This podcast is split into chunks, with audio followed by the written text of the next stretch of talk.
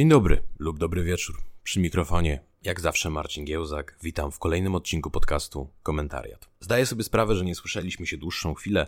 Minęły prawie dwa miesiące od ostatniego odcinka, ale dzisiaj wracamy z materiałem, który mam nadzieję będzie ciekawy i jestem pewien, jest bardzo na czasie, bo rozmawiać będziemy o kryzysie, który toczy Francję.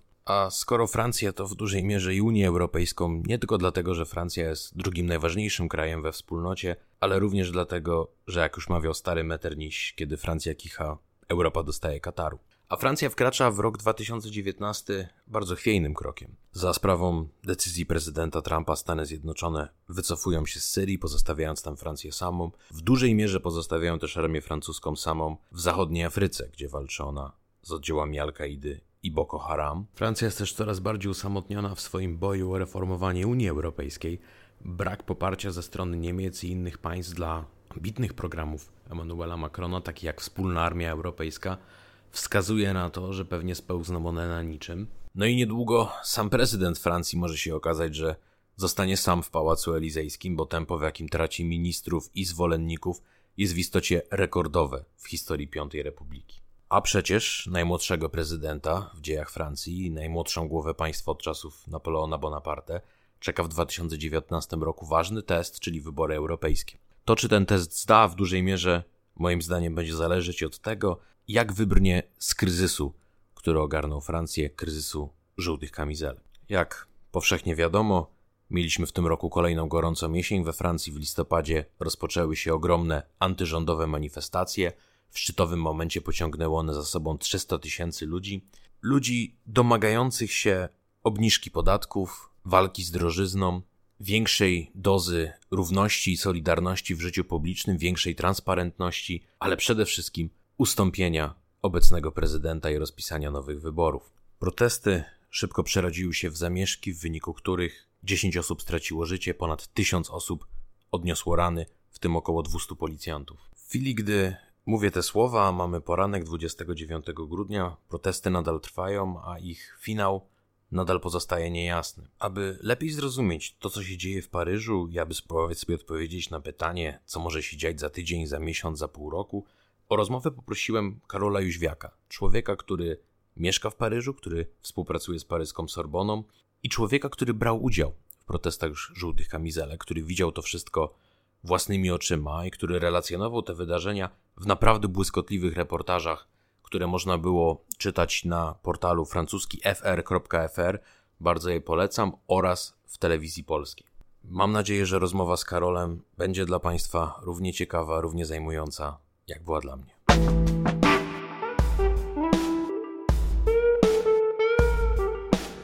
Karol, witaj, dziękuję, że do nas dzisiaj dołączyłeś. Cześć. We wstępie, który, mm, który nasi słuchacze już mieli okazję wysłuchać, zarysowałem generalne tło, więc chcę Ciebie odciążyć z podawania e, faktów, które są powszechnie znane, które można odtworzyć z mediów, a chciałbym raczej odnieść się do Twojego osobistego doświadczenia, bo byłeś tam na miejscu, byłeś w Paryżu, jesteś z Francją związany. Jeśli mógłbyś mi powiedzieć, jakie jest Twoje doświadczenie związane z żółtymi kamizelkami? Co tam widziałeś? Tak, no skonfrontowałem się z żółtymi kamizelkami od samego początku, można powiedzieć, poza Paryżem. E, akurat tak się zdarzyło, że jechałem autokarem e, do znajomych w Belgii i e, akurat sobotę rano jechałem autokarem. Trochę przerażony tym, że mogą być perspektywy opóźnień, różnych takich trudnych sytuacji na Wtedy drodze. wyglądało, że to będzie najgorszy problem. Tak, i rzeczywiście w pewnym momencie tak się zdarzyło i co mnie bardzo zaskoczyło i to muszę powiedzieć od samego początku bardzo pozytywnie i co pod Lille E, pod granicą francusko-belgijską. E, zatrzymaliśmy się w korku, który trwał godzinę, ale co mnie uderzyło, to e, zacząłem zwracać uwagę na to, że większość samochodów, które jeździ, ma żółte kamizelki na, pod szybą, że właściwie w jakimś takim średniej czy małej wielkości mieście było bardzo duże zaangażowanie ludzi. Widziałem setki motocyklistów, którzy blokowali autostrady. Widziałem mnóstwo samochodów, które zwalniały bardzo mocno prędkość, żeby zatrzymać ten ruch, żeby spowolnić, e, żeby zamanifestować wsparcie dla, e, dla, dla żółtych kamizelek. I co bardzo e, tak odczułem emocjonalnie, znaczy nie, nie widziałem tam żadnej wrogości. To była e, jakby widać, odczuwać dało się bardzo taką pozytywną relację wobec tego. Coś takiego, co od samego początku odczułem, to znaczy, że to jest rzeczywiście masowy ruch i tam nie ma walki między dwoma stronami, że tutaj czemu nam utrudniacie życie. Widać było, że to 70-80% ludzi, którzy byli na tej autostradzie, oni się nie wkurzali, oni trąbili z poparciem e, klaksonami i z jakimiś takimi pozytywnymi emocjami. Mhm. Właśnie to jest ciekawe. Co, co ujęło tych ludzi? Co, co, sprawiło, że dla nich naturalnym gestem była solidarność wobec protestujących? To jest klasa pracująca, średnia klasa pracująca, która dostrzega, że problemy dyskutowane przez polityków są zupełnie oderwane od problem, ich problemów codziennego życia. I właściwie ten słynny, to słynne hasło Macrona, że e, musimy tutaj myśleć o tym, że koniec świata i relacją między końcem świata a końcem miesiąca, ona właściwie... Mm, tak, to była jedna z wypowiedzi jednego z e, protestujących, którą we francuskiej prasie wyczytałem, że elity mówią nam o końcu świata, a my się martwimy o to, co będzie na koniec miesiąca. Tak, i tutaj w gruncie rzeczy ten, ten, ten problem jakiś taki wspólnototwórczy się pojawił wobec, e, jakby w tej, w, tej, w tej grupie ludzi. Widać, że oni się zjednoczyli, widać, że to, co się dzieje głównie na prowincji, w małych miasteczkach, to jest jakiś taki fenomen odtwarzania się jakiegoś społeczeństwa obywatelskiego, jakiejś takiej wspólnotowości, właśnie nie, nie, nie, niewaleczności, nie jakiejś takiej agresywności, którą być może naj, najwyraźniej odczuwa się właśnie w tych relacjach e, z Paryża, z tych przerażających obrazków, które, które, które można oglądać, wandalizmu, pewnego takiego czyli, niszczenia. Czyli to, co widziałeś na pierwszy rzut oka, to było swego rodzaju pokojowe powstanie Francji małomiasteczkowej, prowincjonalnej i też Francji pracującej, ludzi niewywodzących się z elit, co jest bardzo nietypowe, bo jak myślimy o kolejnych rewoltach we Francji, od Wielkiej Rewolucji w 1789 przez kolejne aż do 1968 roku, to to bardzo często była wojna Paryża e, z prowincjami, tak? Komunę paryską nazywano wojną e, francusko-paryską. Tymczasem tutaj to nie Paryż jest tym rozsadnikiem, tylko prowincja, która idzie na Paryż.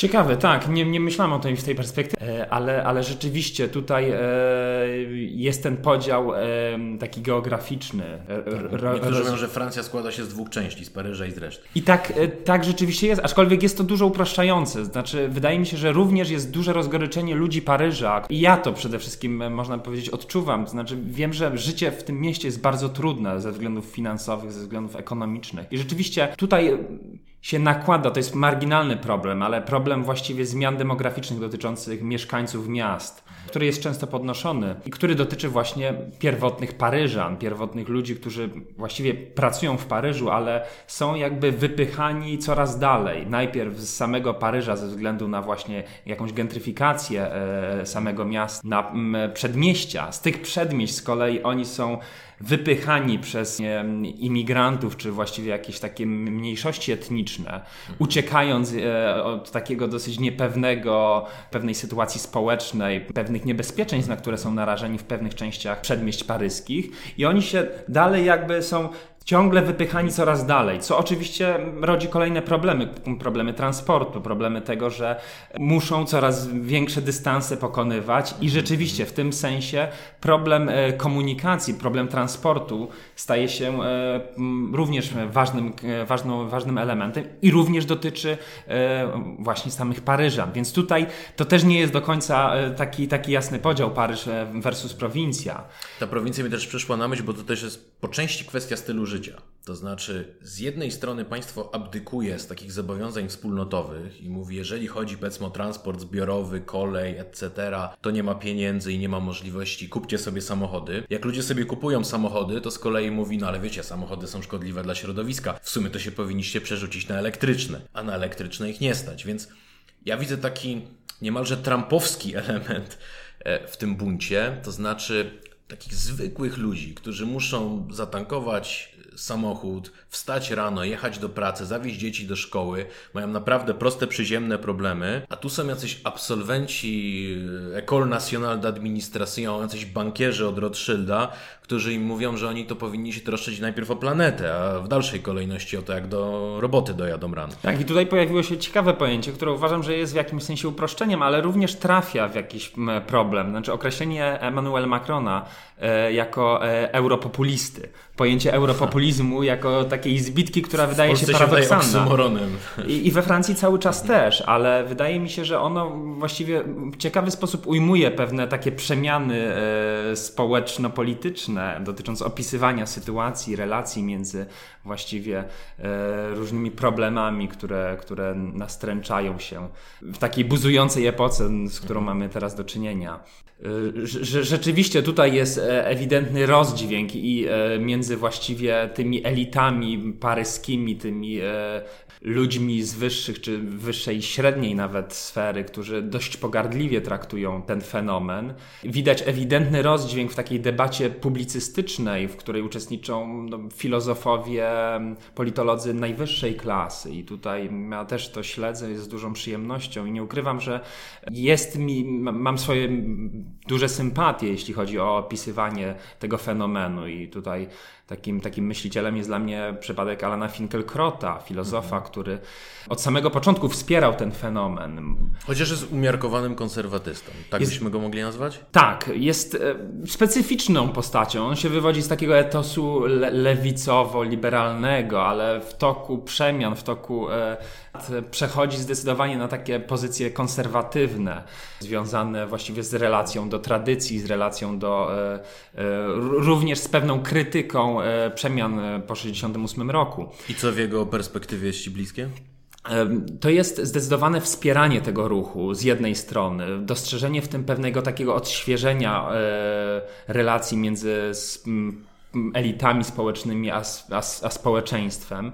To jest e, dostrzeżenie pewnego problemu wypierania pewnej części społeczeństwa z e, perspektywy elit politycznych. To znaczy udajemy, że te problemy, one, na nich nie musimy się do końca skupiać. To znaczy mamy ważniejsze problemy, właśnie ważniejszymi problemami niż, niż e, ci średnia klasa Francuzów są jest emigracja, są e, problemy osób e, o różnych orientacjach seksualnych, są różne rodzaje dyskryminacji, walka z rasizmem i tak dalej. I tutaj e, właśnie ta jedna z pierwszych niefortunnych wypowiedzi ministra spraw wewnętrznych Krzysztofa Castaniera, która od razu chciała zaszufladkować fenomen żółtych kamizelek, że to są faszyści, tworząc jednoznaczne odniesienie do manifestacji na Champs-Élysées e, w 1934 czy 6 roku. Ruchu Ognisty Krzyży. Tak, 34. E, e, w 1934. On tutaj wykazał się właśnie taką niefortunną zrzuceniem pewnej winy na, na, na pewną grupę ludzi sty pewną stygmatyzacją e, tej grupy ludzi, że słuchajcie... Kto nie jest z nami jest faszystą. Kto nie jest z nami jest faszystą, taki argument ad Hitlerum. I, I rzeczywiście wydaje mi się, że to w dużej mierze sprowokowało ten wybuch wściekłości, który nastąpił. Ludzie zauważyli, to Alan Finkielkraut e, opisywał, e, ale, ale też inni filozofowie jak Michel Onfray, E, którzy właśnie mówili: Słuchajcie, ale jakby ci ludzie przebudzili się i mówią sobie: Przepraszam bardzo, ja nie jestem homofobem, ja nie jestem rasistą, ja nie jestem zwolennikiem suprematyzmu białej rasy. Nie dlaczego mnie szeregujecie jako faszystę? Ta, ta wściekłość zwyczajnych ludzi, dla których, e, e, którzy zostali nazwani przez sam podniesienie głosu, dotyczącego oderwania się elit od rzeczywistości codziennej. Przez tam, sam ten fakt oni zostali stygmatyzowani jako faszyści. Ja myślę, że to było bardzo bolesne dla tych ludzi i, i to spowodowało w jakimś sensie ten wybuch wściekłości. W, w pewnej sensie e, wściekłości uzasadnionej z mojej perspektywy. Tylko to jest wielkie pytanie, na ile ona jest uzasadniona? I wejdę w rolę adwokata diabła, bo nie jedna osoba Patrząc z perspektywy polskiej na problem, może powiedzieć tak: dobrze, rozumiem, że są problemy związane z transportem. Rozumiem, że jeżeli wierzyć raportom OECD, Francja jest najciężej opodatkowanym społeczeństwem na świecie. Ale to jest bardzo bogaty kraj. To jest zależnie jak liczyć, piąta albo szósta gospodarka na świecie. Jak ja czytam relacje z wydarzeń paryskich, gdzie człowiek, e, uczestnik protestów mówi: No, ja 17 lat ciężko pracowałem i zarabiam 2500 euro, no to myślę sobie, no to czy aż tak wysokie tam są koszty życia, że ktoś, kto zarabia ponad 10 tysięcy złotych na nasze pieniądze, ma problem, żeby wyżyć od pierwszego do pierwszego? No ja tego doświadczyłem również gorzko, ponieważ przebywam akurat we Francji e, na takim stypendium podoktorskim i rzeczywiście dostałem kwotę, która wydawała mi się, ok, mogę teraz swobodnie żyć, e, nie troszcząc się jakoś o E, właśnie kwestie finansowe, a, a tutaj dostałem kubeł zimnej wody, szukając mieszkania w Paryżu. Ja zauważyłem, że poniżej 800 euro nie mogę znaleźć najmniejszego 10-metrowego e, takiego ta, kawalerki.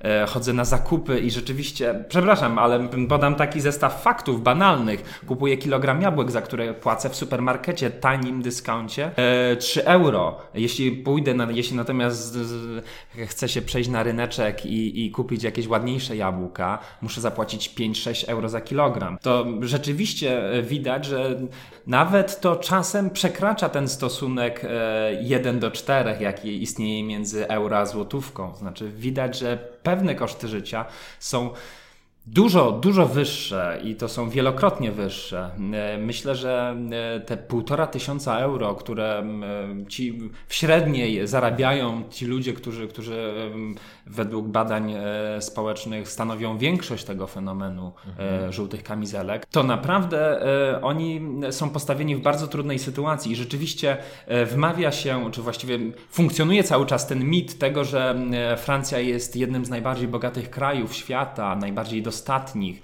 ale tego nie odczuwają ludzie. Oni czego, czego doświadczają? Tego, że benzyna kosztuje czasem euro 80 na, na pewnych stacjach. Tego, że rzeczywiście zrobienie zakupów e, na tydzień czasu to jest 100-150 euro. Tego, że przyzwoite mieszkanie pod Paryżem musi kosztować 1500 euro, jeśli się ma rodzinę.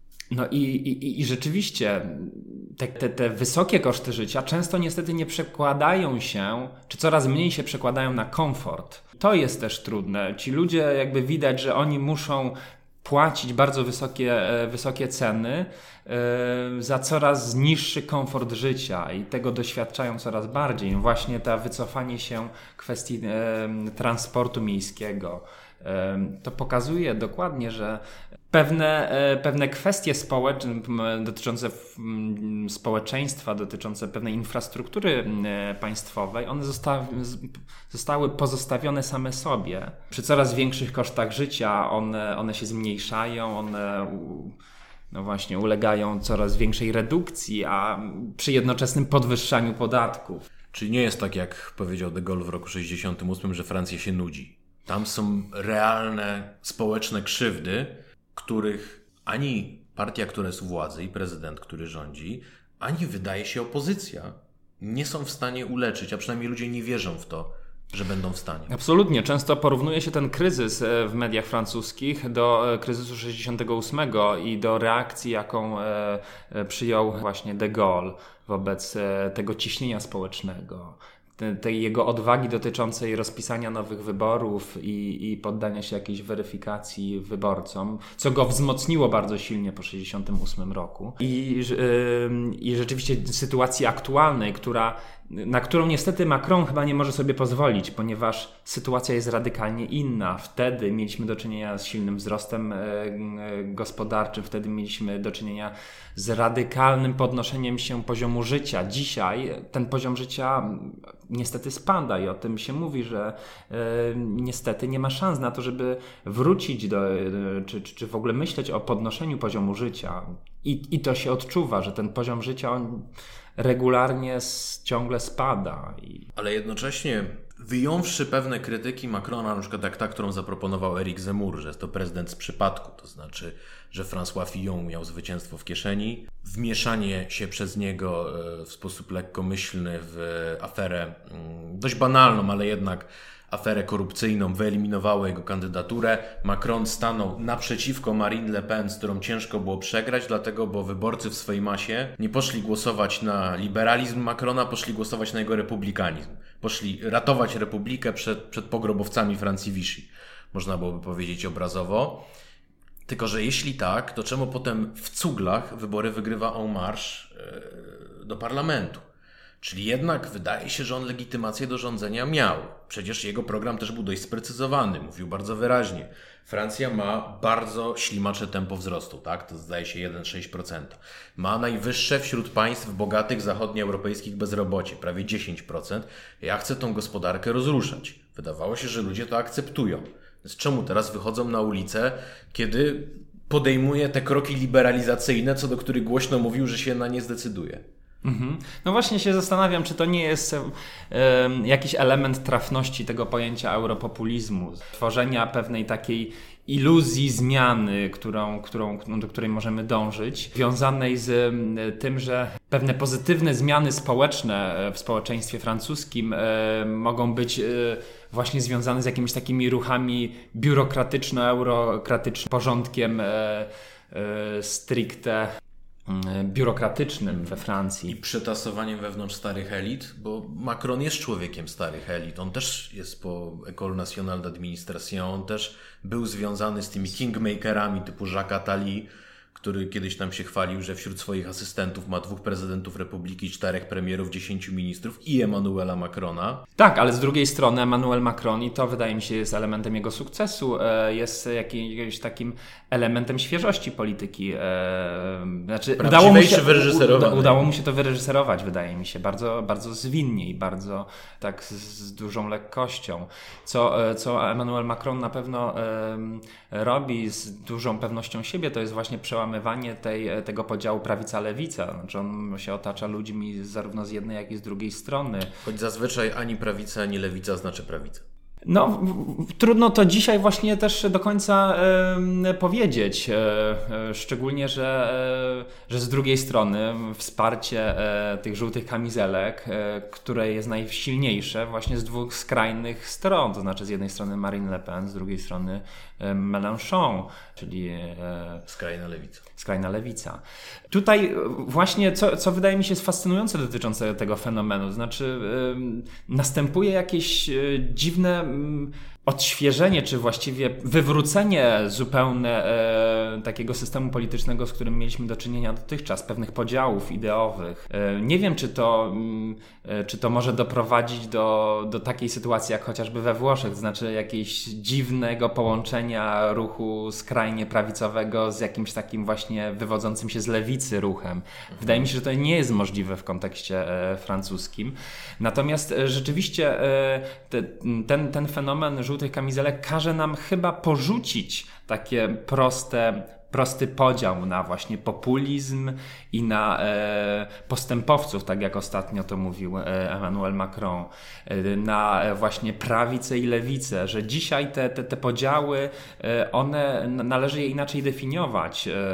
E, Właściwie w jaką stronę to, to, to, to ewoluuje, e, nie wiem do końca. Natomiast e, e, rzeczywiście mamy do czynienia w publicystyce dzisiaj właśnie z takim rodzajem stygmatyzacji, który chyba które należy chyba w końcu porzucić. To znaczy pewna taka delegitymatyzacja pewnych głosów, która opiera się tylko i wyłącznie na e, właśnie takim argument, argumentach e, ad Hitlerum, na właśnie etykietowaniu kogoś jako faszysta, jako populista. Chyba e, ten fenomen żółtych kamizelek każe nam porzucić taki sposób myślenia i to wydaje mi się jest pozytywne, bo każe nam na nowo przedefiniować te, te, te pojęcia, te kategorie, które, które są no, w gruncie rzeczy narzędziami polityków e, do, do, do manipulowania nastrojami. Chociaż mówiąc zupełnie otwarcie, to stygmatyzowanie trochę się samo nasuwa, bo to, co przeciętny człowiek widzi, a widzi to, co pokazują mu media i co jest dostępne w mediach społecznościowych, to są przede wszystkim sceny przemocy przemocy po obydwu stronach, e, żeby być zupełnie uczciwym. To znaczy, widzimy 30-sekundowy filmik, na którym protestujący zrywają płyty chodnikowe i rzucają nimi w policję. Widzimy podpalone samochody, widzimy koktajle Mołotowa. Z drugiej strony widzimy policję, która zgodnie z francuską tradycją się nie patyczkuje i potrafi być bardzo brutalna, zwłaszcza CRS. E, I Ludzie, którzy z góry byli przekonani do wersji, w której lud powstaje, wychodzi na barykady i walczy z opresyjną władzą, mówią: Patrzcie na tych maltretujących niewinnych ludzi, bandytów, a z drugiej strony ci, którzy od początku mówili, trzeba bronić y, Macrona jako tego, który trzyma ostatnią redutę liberalizmu w Europie, mówią spójrzcie na tą hałastrę, która demoluje najpiękniejsze miasto w Europie. 2 grudnia e, zacząłem dokumentować e, te manifestacje paryskie i to było rzeczywiście pierwsze takie e, chyba agresywne i pełne wandalizmu manifestacje, które, które były tak, e, tak głęboko analizowane pod kątem właśnie agresywności, agresji, wandalizmu, jakichś takich negatywnych fenomenów, które temu towarzyszyły. Ale jeszcze 2 grudnia e, ja kręcąc się właśnie między kordonami policji a tymi manifestantami, co mnie bardzo urzekło i co myślę, że jest takim e, e, właśnie takim urzekającym, e, romantycznym elementem, to jest taka teatralizacja, karnawalizacja tej sytuacji. Mhm. Co ja zobaczyłem, to piękne widoki, bardzo patetyczne, te trojkolorówki, e, francuska flaga gdzieś powiewająca pośród oparów gazu łzawiącego, śpiewana marsylianka, ludzie wykonujący patetyczne gesty, jakaś kobieta klęcząca, blokująca e, samochód opancerzony z armatkami wodnymi. E, Policjanci stający na baczność, kiedy tłum śpiewa marsyliankę.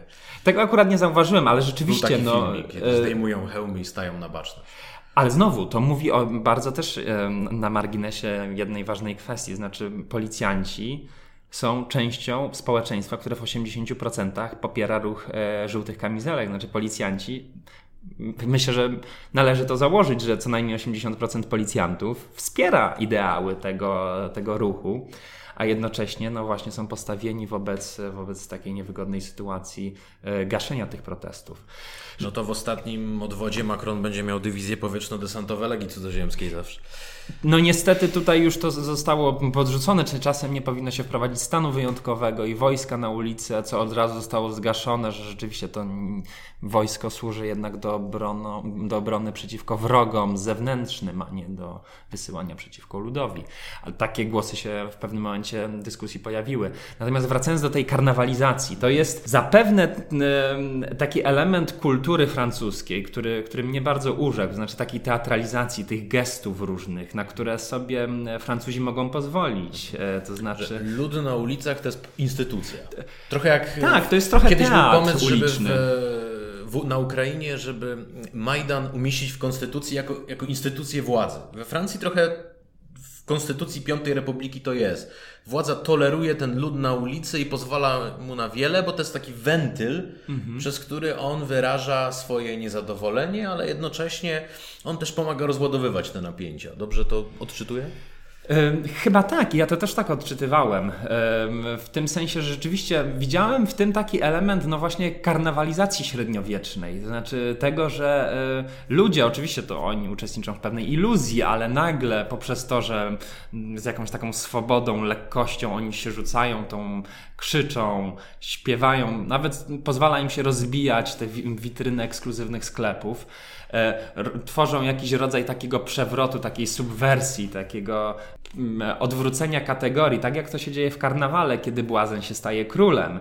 Wtedy to właśnie lud Paryża, ci, ci zwyczajni ludzie, którzy, którzy chodzą codziennie do pracy i którzy właśnie w niedzielę przejdą się ze swoimi dziećmi po tych zniszczonym Paryżu, będą robić sobie zdjęcia i traktują te rozbite skle, witryny ekskluzywnych sklepów jako atrakcję turystyczną. A w poniedziałek pójdą pokornie do pracy, ale w tą sobotę, na którą wyczekują, oni nagle z tych pokornych pracowników nagle stają się panami sytuacji, stają się królami takimi. Francja niepokorna nawiązując do nazwy partii jednego z... Tak, ale to jest nie, niepokora, która się sprowadza tylko do jednego dnia. Stąd tutaj ciekawi mnie właśnie ten element właśnie mhm. tego porządku karnawału, który, który to determinuje. Znaczy mamy określone ramy czasowe. Jest to, e, zaczyna się tam w sobotę wieczorem. 8 grudnia była taka sytuacja, że to było bardzo agresywne manifestacje, bardzo, bardzo silne. Ja rzeczywiście e, zacząłem, e, wszedłem w taką grupę wandali, e, zacząłem, chcąc to zdokumentować i muszę przyznać, że to było dla mnie szokujące doświadczenie, bo trafiłem gdzieś błądząc między tymi ludźmi, którzy krzyczeli, nawet niespecjalnie jakieś przemyślane hasła, ale chodzili z butelkami whisky, szampanów, właśnie zrabowanych ze sklepów, do których się włamali, lewali te, te szampany ekskluzywne do rynsztoków, ten smród mm, alkoholu noszący się, przemieszany z e, gazem łzawiącym. To było coś tak dojmującego i coś, co kazało mi niemalże doprowadziło mnie do jakiegoś takiego um, rozpaczy, takiego jakiegoś płaczu nad, nad tą sytuacją. A to, to jest fascynujące. To, gdzie się kończy ten karnawał, gdzie, mówiąc bez ironii, rodziny z dziećmi idą ulicami, zakładają żółte kamizelki, wykrzykują swoje hasła, a zaczyna się regularne pałowanie przez CRS, yy, ponad 2000 ludzi aresztowanych, 10 osób straciło życie w wyniku tych protestów. Gdzie był ten punkt, w którym to się przerodziło w taki horror? E, co ciekawe, bo w samym Paryżu, bo od razu trzeba powiedzieć, że te 10 osób to są chyba jednak w większości ludzie, którzy zginęli na rondach poza Paryżem. Tak. E, czyli to są przypadkowe jakieś wypadki, że gdzieś ktoś w nocy wszedł na ulicę, a akurat tir przejeżdżał. E, także akurat chyba w zamieszek paryskich chyba tam nie było ofiar śmiertelnych. Natomiast rzeczywiście coś, co, co, co właśnie tamtej soboty 8, 8 e, grudnia doświadczyłem, to to, że to nie było jedno miejsce, w którym to się działo. Znaczy, starałem się przebić z jednej dzielnicy do drugiej i wpadałem w kolejne ognisko. Tutaj jakieś e, grupa setki ludzi idzie i krzyczy jakieś manifestacyjne hasła z wózkami, z dziećmi, to są normalni, spokojni ludzie, a gdzieś e, skręcam w jakąś boczną uliczkę i trafiam w, jakieś, w jakąś bardzo silną zadymę, gdzie jeśli chodzi o samo miasto, to to, to, to, co doświadczyłem, to jakiś taki strasznie duży chaos, który panował. Decentralizację tych wydarzeń. Na bulwarze Osmana, przypomnijmy, że e, Osman to był ten architekt Paryża, który po rewolucji postanowił wyburzyć znaczne części tej tradycyjnej zabudowy. I, Żeby utrudnić kolejne rewolucje. E, zrobił szerokie ulice szerokie bulwary, które miały uniemożliwić właśnie tworzenie się barykad, e, uporządkowanie tej sytuacji. I właśnie na tych ogromnych bulwarach, na bulwarze Osmana, następowały jednak dużo, dużo silniejsze, dużo bardziej agresywne starcia, jakieś niemalże takie bitewne sytuacje z płonącymi samochodami i to taki trochę Czy dowcip historii. Miałeś, miałeś poczucie, że to jest naturalna konsekwencja, że to jest jakby w DNA tego ruchu, czy raczej miałeś poczucie, że wykorzystując sytuację, grupki zawodowych zadymiarzy włączyły się do akcji? To zdecydowanie to, to jest jakaś po, po, podpięcie się pod pewne takie sytuacje anarchii, która, która wtedy istniała. Bo wielu komentatorów raczej wskazuje na to, i z takimi głosami też się zetknąłem, że nie, to są żółte kamizelki. To nie są ludzie, którzy się podpięli. I podawano tak przykłady chociażby takich zachowań jak zatrzymywanie ludzi, którzy nie mieli na sobie kamizelki i pytanie się, czemu nie masz kamizelki, załóż kamizelkę, bo dostaniesz w zęby. Bo pobicie kogoś za to, że odmówił podpisania petycji. Są uwiecznione sceny, gdzie śpiewa się antysemickie piosenki. Pytanie, na ile to jest margines, a na ile świadczy to o charakterze ruchu jako całości? No tak jak są przytaczane te statystyki, to jest 80% społeczeństwa, e, które wspiera żółte kamizelki. E, Pytanie, co znaczy wspiera? Są częścią jakby tego, podziela ideały, które związane są z Zresztą, no właśnie, czym są te żółte kamizelki? To myślę, że jest jeden z problemów, który, który spada na właśnie komentatorów, na publicystów. Znaczy, czym jest ten ruch? On to nie jest ruch polityczny, to e, ponieważ właśnie tam nie ma haseł dotyczących konkretnych programów politycznych. To jest ruch jakiegoś takiego przebudzenia społecznego. Jeśli chodzi o tych wandali, niestety, ale no, trzeba sobie tutaj pozwolić na pewien taki no, niepoprawność polityczną dotyczącą pewnych obserwacji, ale no, z bólem serca muszę stwierdzić, że jak widziałem plądrowany sklep, no to to byli w większości ludzie pochodzenia z północnej Afryki, znaczy widać to po cerze, po kolorze skóry. Ci ludzie, którzy wynosili e, pod pachami butelki szampanów i ekskluzywnych alkoholi, to niestety, ale, ale, ale to byli ludzie w kapturach z zamaskow zamaskowanymi e, twarzami, ale ciemną sterą skóry. No. Czy można to uogólnić, że zachowania przemocowe były bardziej po stronie społeczności imigranckiego pochodzenia, na no tego, z Magrebu? Tego, tego, tego ja właśnie doświadczyłem. To znaczy, widziałem, że właśnie podpinali się pod, pod te protesty no właśnie ludzie, którzy są jakimś tam elementem takiego marginesu społecznego, którzy być może się czują również porzuceni przez społeczeństwo, pozostawieni sami sobie, ale oni w końcu właśnie w tym porządku karnawału mogą znowu wystąpić na te ekskluzywne ulice, mogą wedrzeć się do sklepu z ekskluzywną e, odzieżą gdzie właściwie e, wejście dla nich jest im w normalnym porządku dnia codziennego raczej nieudostępnione, raczej nie mogą sobie pozwolić na to, żeby, żeby wejść e, do sklepu z ekskluzywną odzieżą. Natomiast w, takim, e, w takiej sytuacji trochę mm, anarchicznej, gdzie oni jakby wchodzą i niszczą, mogą sobie pozwolić na zniszczenie tego, daje im jakieś takie poczucie chyba dowartościowania czegoś, co jest ewidentnie problemem społecznym. Rzeczywiście, no widziałem, nie chcę generalizować oczywiście, ale, ale, ale coś, co mi się właśnie rzuciło w oczy, to to, że, że, że, że to byli właśnie głównie pochodzenia emigranckiego. Ci ludzie, których akurat ja wtedy widziałem przy sklepie, e, przy supermarkecie plądrowanym. Natomiast z drugiej strony, i to znowu kolejny element, jak ja to filmowałem akurat e, telefonem komórkowym, podszedł do mnie gość w żółtej kamizelce i y, próbował mi wyszarpać telefon, mówiąc, czego ty to rejestrujesz, masz inne obrazki do rejestrowania. E, ale co znowu, e, e, co na szczęście jakoś tak odczułem, to to, że to, to nie był chuligan, to był człowiek, który najprawdopodobniej był, podzielał ideały żółtych kamizelek. On nie był na tyle agresywny, żeby móc mi wyrwać ten telefon. Widać, że się speszył trochę moim pytaniem, ale o co ci chodzi? Ja rejestruję to. No, jakby jest to jeden z elementów rzeczywistości. Widać, że on się wycofał, że się zawstydził może nawet trochę tej sytuacji, że, że chciał mi wyszarpać komórkę. To, to, to, to, nie był jakiś właśnie chuligan, tylko to był ktoś, kto, kto być może nawet był dobrze wykształcony, kto, kto mimo wszystko jakby wspierał ten etos żółtych kamizelek i kto wstydzi się tego, co się dzieje i nie chce, że chce to jakoś tak z, z, zamaskować. No, świat też obiegł ten filmik z jednego z liceów, bo także w szkołach trwały protesty, gdzie widzimy e, uczniów, nastolatków na kolanach z rękami założonymi na głowie, obok nich spacerują policjanci z pałkami, z tarczami, z bronią. To wyglądało jak sceny z jednej z byłych francuskich kolonii, e, raczej niż jak sceny z, z zachodniej Europy. I pierwszym odruchem było oburzenie. Ale kiedy zaczęły spływać fakty, kiedy ludzie się dowiedzieli, że to byli uczniowie, którzy na dobrą sprawę zaczęli demolować własną szkołę, próbowali ją podpalić, spalili jej z samochodów, palili śmietniki, to zaczęli traktować tych policjantów jako dzielnych stróżów porządku.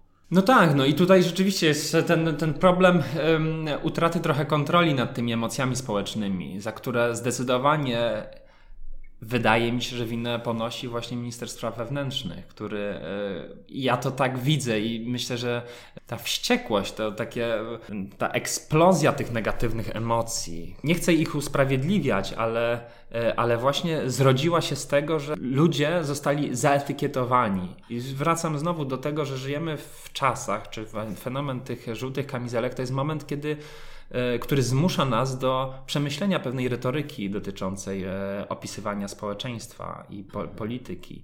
Etykietowanie ludzi, którzy mają przeciwne poglądy e, negatywnymi pojęciami jak populizm, faszyzm, ma efekt, zaczyna mieć efekty zupełnie przeciwskuteczne. I ja niestety, ale, ale, ale uważam, że, że częścią winy e, za tą sytuację, tej takiej niekontrolowanej eksplozji negatywnych emocji nosi niestety, ale, ale, ale właśnie rząd e, Eduardo Filipa. Eduardo Filipa, a szczególnie właśnie ta bardzo negatywna wypowiedź e, Krzysztofa Castaniera, który, który no właśnie Chociaż w tej mierze szef przebił ich wszystkich, prawda? Bo Macron, który jednego dnia mówi do bezrobotnego, że ja bym panu znalazł pracę po drugiej stronie ulicy, który mówi, że Francja wydaje szalone kwoty na bezrobotnych, który u szczytu protestów remontuje salę balową w Pałacu Elizejskim, który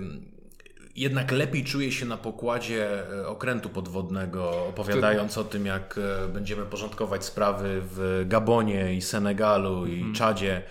E, Który znosi podatek dla najbogatszych tak. jednocześnie kilka miesięcy wcześniej. To, to wszystko układa się faktycznie w obraz niemalże Ludwika XVI, zamkniętego w swoim pałacu i faktycznie otoczonego w coraz większym stopniu przez potakiwaczy. Ci ministrowie, którzy mieli własne zdanie, odeszli. Jak Nicola Hulot na przykład. Mhm. Z dnia na dzień, nawet nie uprzedzając Macrona, po prostu podjął emocjonalną decyzję, bo miał dosyć współpracy z nim. Ci, co zostali, to są jego bojownicy za marsz, to nie są doświadczeni politycy. Tak, i często się właśnie tak opisuje rodzaj polityki Emmanuela Macrona jako taką egokrację. Trochę tak w złośliwych komentarzach wskazuje się, że skrót e, partii e, En Marche to jest nic innego jak Emmanuel, akronim Emmanuel Macron, że to jest właściwie program polityczny, który e, Emmanuel Macron buduje. To jest program skupiony tylko i wyłącznie na tym, na jego ideach, na jego własnym, na skupieniu się na sobie. I, ale w tym sensie wydaje mi się, że bardzo. Rządzi jak Jowisz. Tak, e, często, często się właśnie od, odnosi do niego jako do, do, do, do Jowisza. Swoją jako drogą kogoś... w ikonografii e, Ludwika XIV przedstawiono jako Jowisza, który patrzy na dwór i na Francję z góry i podejmuje decyzje.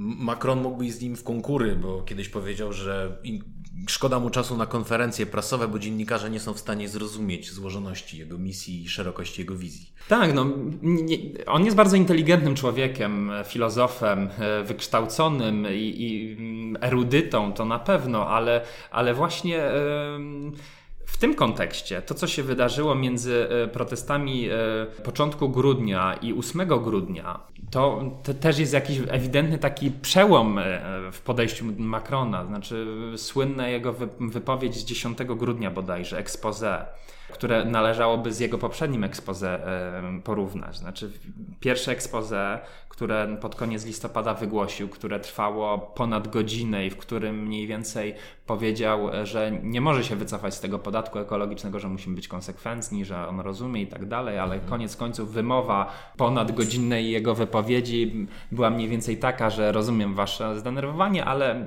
koniec końców mam, mam was gdzieś, bo ja już podjąłem tą wiem decyzję, lepiej. wiem lepiej. I teraz yy, kilka dni, kilkanaście dni później, on yy, 10 grudnia po tych ogromnych zamieszkach wandalizmu i wściekłości i sytuacji, gdzie rzeczywiście lud coraz mocniej krzyczał Macron démission, to napięcie dotyczące tego, że należy zacząć myśleć o szóstej republice, o obaleniu dotychczasowego systemu.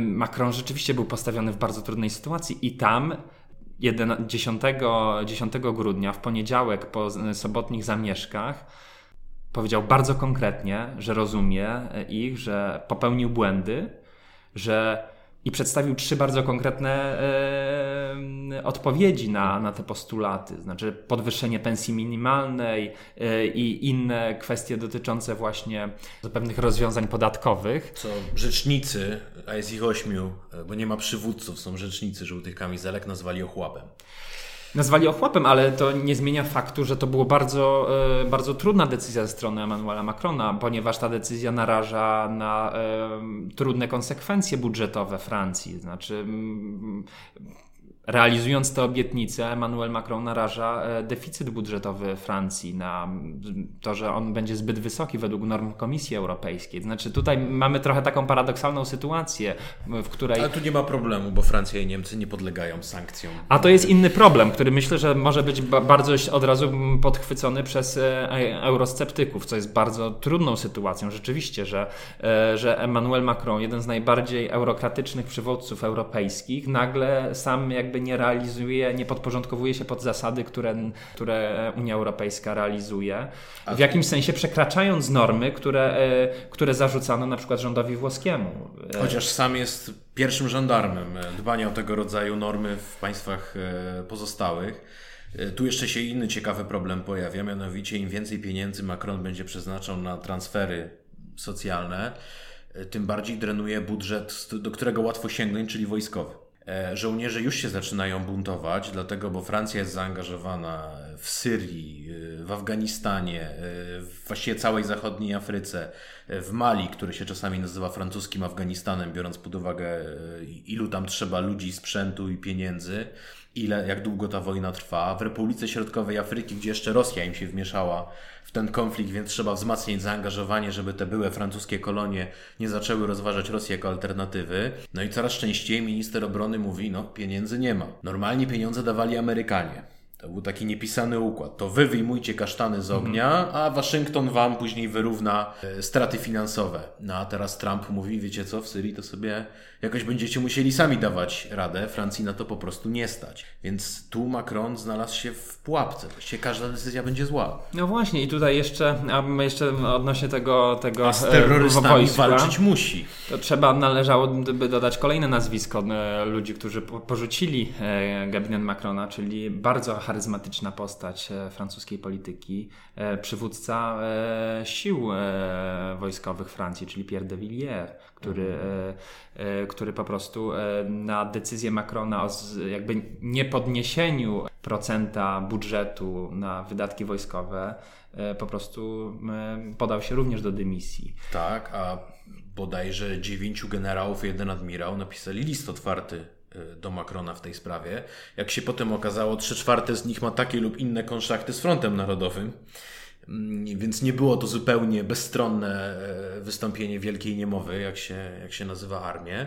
Ale jednak mm, generałowie przemawiający na wiecach to jest obrazek, którego we Francji nie było od czasów wojny w Algierii. Ciekaw jestem Twojej Twojej diagnozy, czy Twojej przepowiedni, bo we francuskim, we francuskim klasycznym dramacie, powiedzmy Racina, zawsze ostatni akt kończy się źle. Kilka już aktów miała mm, ta epopeja związana z żółtymi kamizelkami. Jesteś w stanie ułożyć sobie w głowie, co się będzie działo za tydzień, za miesiąc?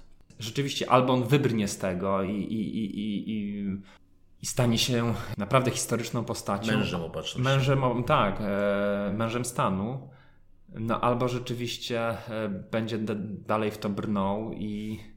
I zostanie i... zapamiętany jako mąż swojej żony. E, głównie, że tak powiem, plotkarskie rubryki w, w gazetach dostarczą materiału do, do późniejszych książek o nim. Chociaż e, powiem z mojej perspektywy, moim zdaniem on wyjdzie z tego obronną ręką. Czy ja widzę taki powtarzalny trend we Francji. W 1968 roku wydawało się, że będzie rewolucja.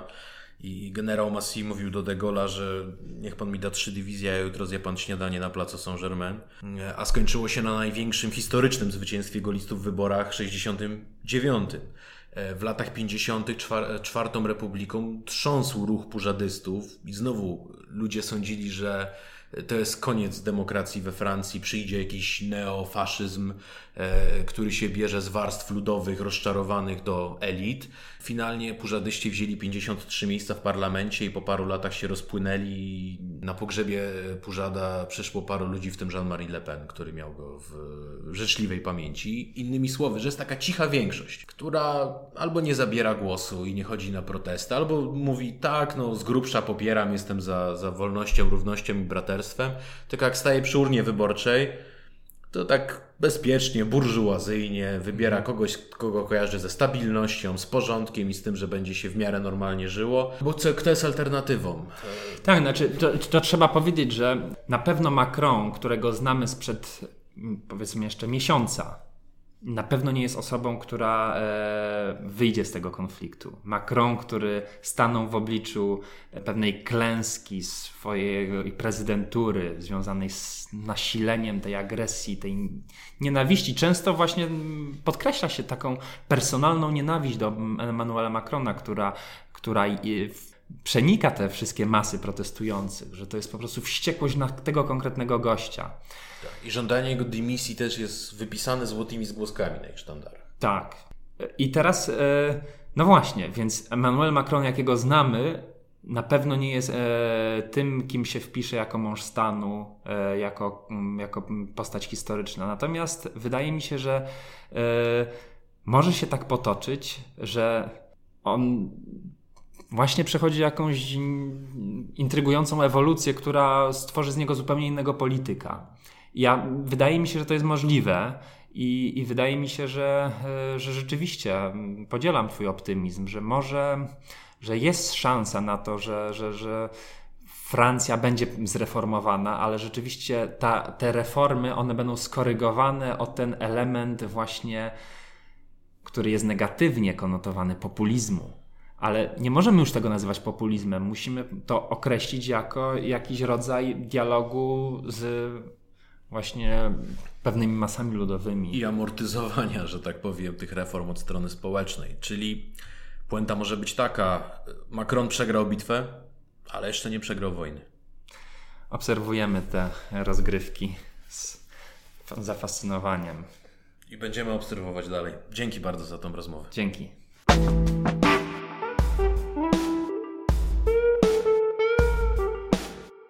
W jednej ze swoich wypowiedzi poświęconych żółtym kamizelkom Emmanuel Macron miał powiedzieć zniecierpliwiony: Mam dosyć ich kwiczenia. Poproszony o komentarz e, filozof Alain Finkielkraut, którego Karol tutaj przywoływał kilkukrotnie, powiedział, że to nie jest kwiczenie, to jest krzyk rozpaczy. Krzyk rozpaczy tych, którymi politycy się nie zajmują, o których milczy ekonomia, o których milczy socjologia, a którzy powinni być wyrzutem sumienia wszelkich progresistów, wszelkich postępowców, tak tych z lewicy, jak i tych, którzy popierają Macrona, bo to oni są tymi, którzy są pozostawieni na poboczu przez globalizację, przez postęp, przez automatyzację, przez technologię, przez wszystkie te pozytywne w gruncie rzeczy zjawiska, ale zjawiska, które mają swoją cenę. A wielkie pytanie, jakie stoi przed nami, przed nami wszystkimi, nie tylko przed Emmanuelem Macronem i jego rządem, ale przed każdym gabinetem, to pytanie, kto ma tą cenę zapłacić. Na dziś to wszystko. Mam nadzieję, że udało nam się rzucić trochę światła na sytuację we Francji. Jak zawsze zachęcam do tego, żeby słuchać kolejnych odcinków i wcześniejszych odcinków komentariatu na Spotify i innych platformach, gdzie podcastów można odsłuchiwać. Zachęcam również do tego, żeby nas obserwować w mediach społecznościowych, przede wszystkim na Facebooku, gdzie lajkując naszą stronę będzie można czerpać najnowsze wieści odnośnie premiery kolejnych odcinków i tego, co u nas słychać. A za dzisiejsze spotkanie bardzo dziękuję i mam nadzieję do usłyszenia niebawem.